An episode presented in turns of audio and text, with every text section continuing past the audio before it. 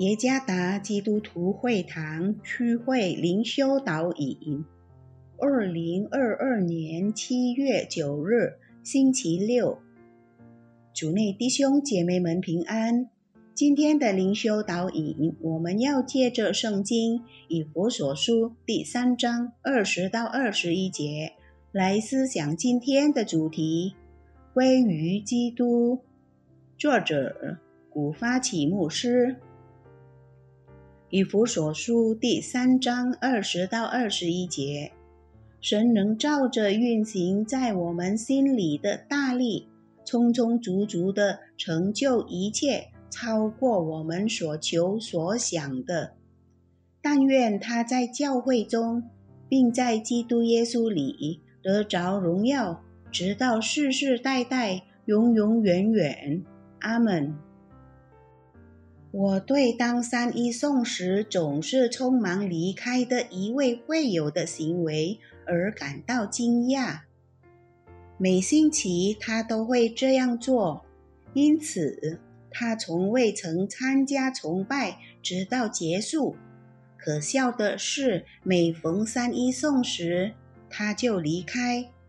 我就问他为什么要这样做，他回答说。要赶紧去启动他汽车的引擎，因为他想比其他人更先离开。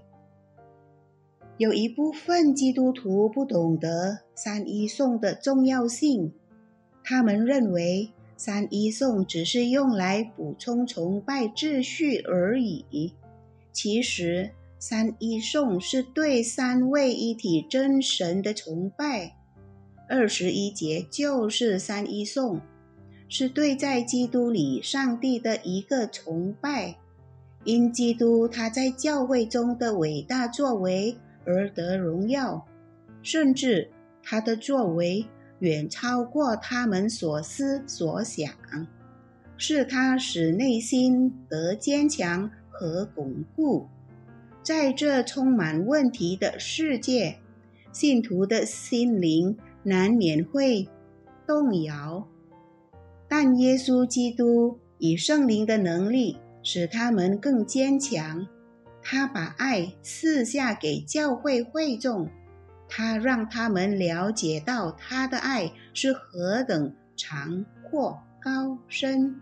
其实，生活在充满挑战和苦难的世界，基督教群体。需要发挥和活出爱，这就是他们得力量的秘诀。而这爱已赐下给他们，不单是理解他的爱，但是也要活在他里面。这就是为什么在这三一颂中，保罗诉说：“但愿基督耶稣的荣耀彰显于教会中。”是否基督是在教会群体面对生活中种种挣扎时得着荣耀，或者相反，有些教会群体当他们遇到困难时，反而会做出不正当的事，最终基督的名没有得着荣耀，他们成为绊脚石，而不是成为祝福。但愿我们的群体成为继续不断荣耀基督的群体。但愿我们的群体成为荣耀基督的群体。主耶稣赐福。